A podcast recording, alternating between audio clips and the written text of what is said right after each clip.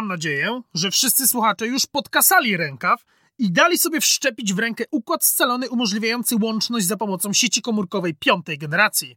Co więcej, mam też nadzieję, że w oczekiwaniu na miejsce w kolejce pożyczony chip śledziliście pilnie publikowane na łamach dziennika Gazety Prawnej od stycznia teksty w ramach cyklu Eureka DGP. A było naprawdę warto, bo w tym roku mieliśmy wyjątkowo silny line-up. W pewnym sensie ósma już edycja konkursu była jak festiwal, na którym grali The Rolling Stones, Metallica, The Weeknd i Billie Eilish. Jednocześnie! To jest podcast Eureka DGP. Przy mikrofonie Jakub Kapiszewski. Zapraszam.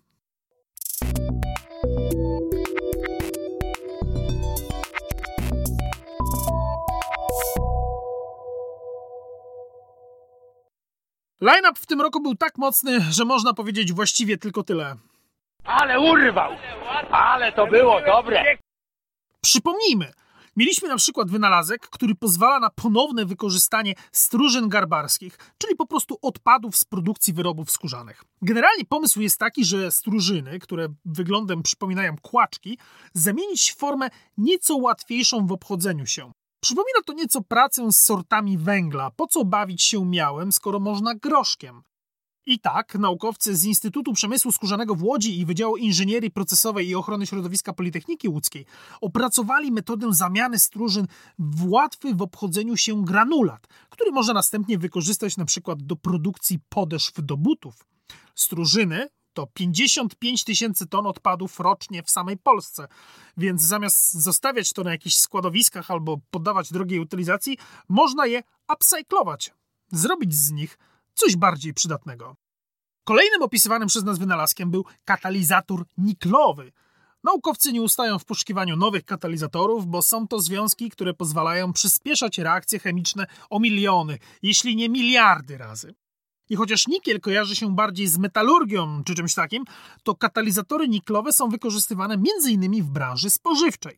W największym skrócie pozwalają one na przykład robić z oleju margarynę, ponieważ wspomagają zachodzenie tzw. Tak reakcji uwodornienia, która polega na tym, że zamienia się podwójne wiązania między atomami węgla na pojedyncze dzięki przyłączeniu dwóch atomów wodoru. Najpowszechniej stosowany katalizator tego typu, tzw. Tak nikiel Raneya, został wynaleziony prawie 100 lat temu i nie jest pozbawiony wad. Śmiało więc można powiedzieć, że pora na upgrade. I dlaczego nie miałby to być polski upgrade? Dwa tygodnie później naukowcy z Uniwersytetu Śląskiego porównali w rozmowie ze mną poszukiwanie nowych katalizatorów do doskonalenia chemicznej zupy i uznali, że jest to już passé. Stwierdzili, że zamiast doskonalić recepturę, lepiej po prostu odkręcić kurek z ciśnieniem. Tak jest prościej z punktu widzenia inżynierii procesowej, bo pracujemy z jednym parametrem fizycznym, a nie wieloma, jak w przypadku zupy. Nowy paradygmat, czyli ciśnienie jako katalizator, udało im się zastosować w reakcji polimeryzacji, czyli tworzenia polimerów. W zasadzie bardzo długich łańcuchów składających się z powtarzających się cząsteczek, czyli monomerów, a konkretnie do wytwarzania poliwinylopirolidonu. I chociaż nazwa brzmi nieco jak rodzinna planeta jakiegoś superbohatera z komiksowego uniwersum Marvela, to wielu z Was mogło się z tym związkiem już zetknąć. Wykorzystuje się go bowiem jako wypełniacz do tabletek, a nawet jako dodatek spożywczy ma wówczas oznaczenie E1201. Fascynujące w pracy nad tym cyklem jest również to, że spotyka się wynalazki mające za zadanie rozwiązać bardzo przyziemne problemy, jak na przykład walkę z korozją. Korozja to niby nic wielkiego, w końcu każdy z nas kiedyś widział jakąś zardzewiałą bramę albo płot, ale w rzeczywistości to fascynujący proces powrotu metali do kołyski, do ich naturalnego stanu. Tak, bo jeśli się zastanowić, to przecież wszystkie metale wydobywamy pod postacią jakichś związków chemicznych, z których następnie trzeba je jakoś wytrącić. Metale po prostu lubią towarzystwo. Niestety my w naszych zastosowaniach wolimy raczej, żeby występowały solo. Walka z korozją jest więc tak naprawdę walką z naturą metali. I tradycyjnie robi się to w ten sposób, że zabezpieczamy metal za pomocą innego metalu, który niejako poświęca się, tworząc warstwę ochronną. Naukowcy z sieci badawczej Łukasiewicz szukali sposobu na zmniejszenie zawartości tego poświęcającego się metalu, którym najczęściej jest cynk, dodając m.in. tlenki grafenu. I udało im się. Jakby tego było mało, podczas pracy nad tegorocznym cyklem udało mi się odkryć zupełnie nowy organ. Czy raczej naukowcy zwrócili mi uwagę na fakt, że taki organ, i robię teraz charakterystyczny gest palcami wskazującym i środkowym w powietrzu, jakbym robił cudzysłów, że taki organ w ogóle istnieje i jest nim śródbłonek, czyli warstwa komórek wyściełająca naczynia krwionośne od wewnątrz. Jak się okazuje, owa cienka warstwa odgrywa rolę w masie procesów zachodzących wewnątrz naszego ciała. I może się przydać również przy diagnostyce medycznej, bo zmiany w jego przepuszczalności mogą świadczyć o początkach miażdżycy. Jak jednak badać coś, co ma grubość zaledwie warstwy komórek?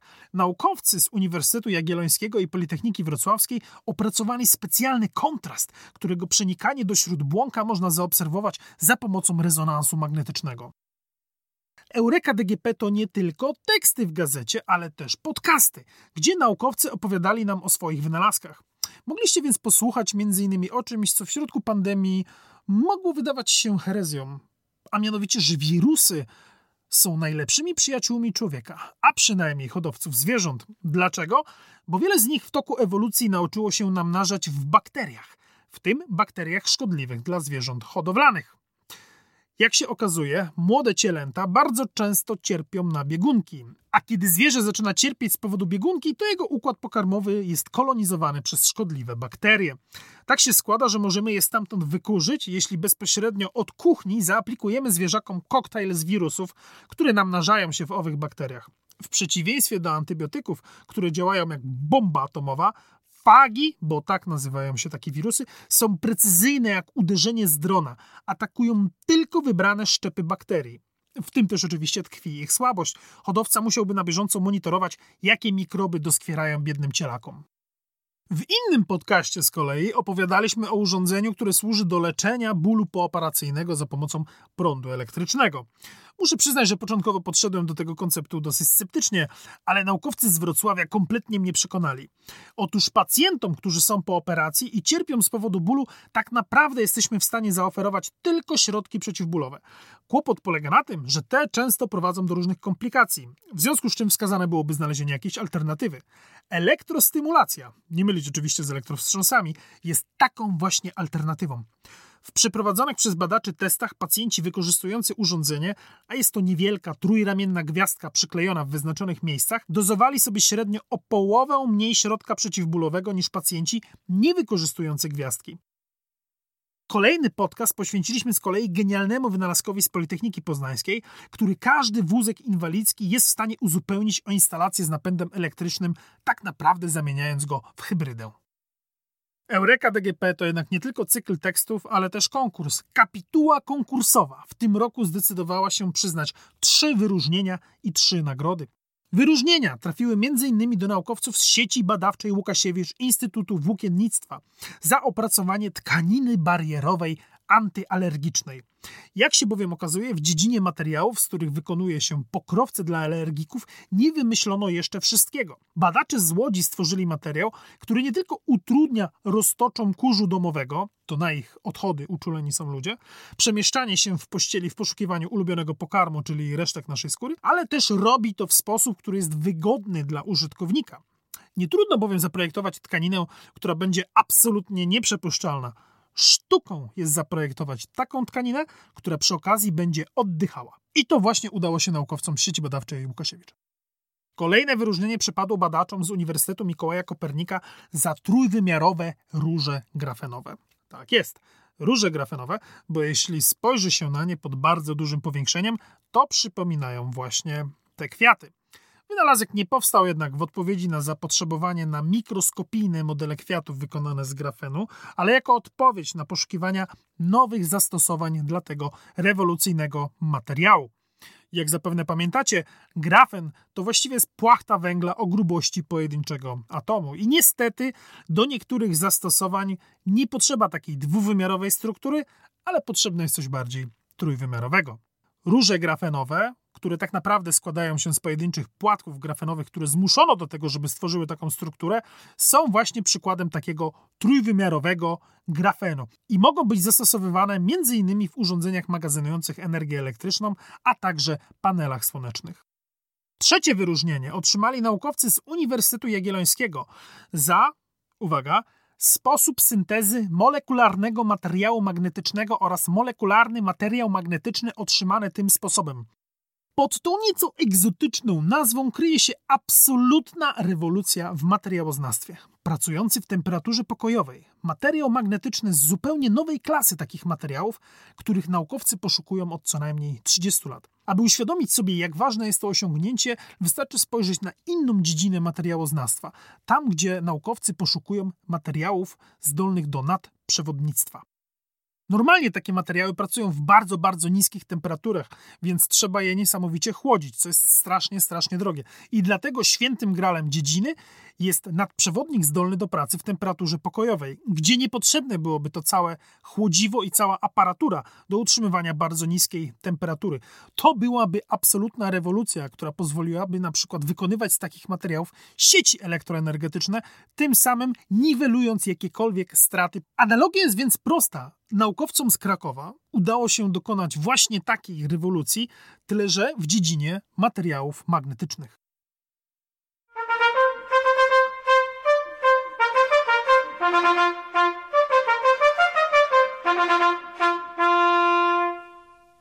Na podium w tym roku znalazły się następujące wynalazki. Trzecie miejsce przypadło naukowcom z Politechniki Warszawskiej za generator fizycznie niekopiowalnych kluczy kryptograficznych.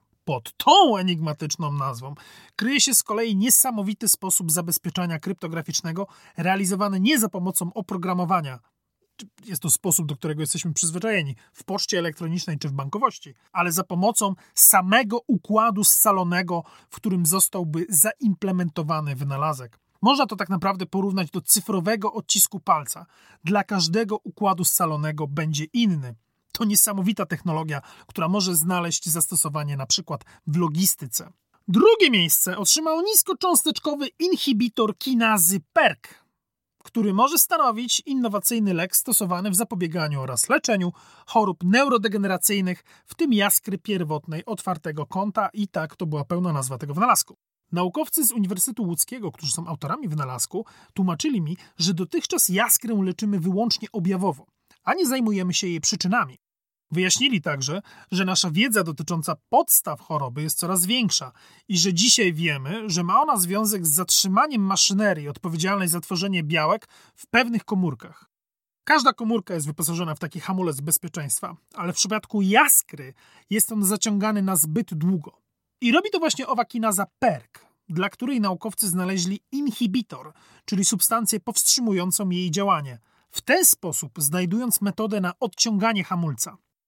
Oczywiście droga do leku dostępnego w aptekach jest jeszcze daleka, ale naukowcy z Łodzi przekonują mnie, że są na właściwym tropie. And the Oscar goes to...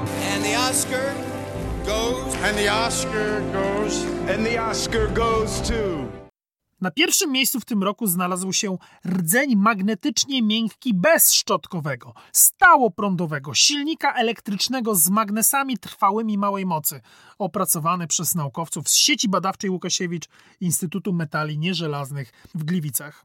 I kiedy rozmawiałem z zespołem, który zajmował się tym wynalazkiem, nazwali go sercem dla serca bo jest to tak naprawdę jeden z elementów silnika elektrycznego napędzającego pompę wspomagającą pracę serca, nad którą pracują w słynnym Instytucie Kardiologii imienia Zbigniewa Religii w Zabrzu. I naukowcy z jednego instytutu zwrócili się po prostu do naukowców z drugiego instytutu o to, żeby pomogli im w opracowaniu tegoż właśnie elementu będącego sercem dla serca, tak zwanego rdzenia ponieważ dla ludzi z sieci badawczej Łukasiewicz praca z materiałami magnetycznymi czy w ogóle metalami to chleb powszedni, są w tym niesamowitymi fachowcami i taki właśnie element stworzony za pomocą ultra ciekawej metody melt spinningu do owej pompy opracowali. Gratuluję. Na koniec chciałbym dodać jasne. Często zdarza nam się narzekać, że artykułów polskich naukowców ze świecą szukać w takich publikacjach jak Nature czy Science, ale dla uspokojenia mogę powiedzieć, że z wynalazków opisanych w ósmej edycji Eureki DGP przynajmniej jeden zostanie opisany na łamach jednego z tych topowych czasopism, co oczywiście bardzo, bardzo cieszy moje serce. I nawet jeśli tych artykułów nie jest aż tak dużo, jakbyśmy chcieli, żeby było, to jeśli faktycznie już się przyjrzeć temu, czym zajmują się polscy naukowcy, to są to rzeczy bardzo, bardzo często bardzo ciekawe, oryginalne i innowacyjne. I bardzo się cieszę, że możemy o nich pisać na łamach Dziennika Gazety Prawnej. Mam nadzieję, że usłyszymy się i przeczytamy w przyszłym roku podczas dziewiątej już edycji konkursu Eureka DGP. Być może będziemy też mieli więcej podcastów. Jakub Kapiszewski. To był podcast Eureka DGP. Dzięki za te pół roku razem i do usłyszenia.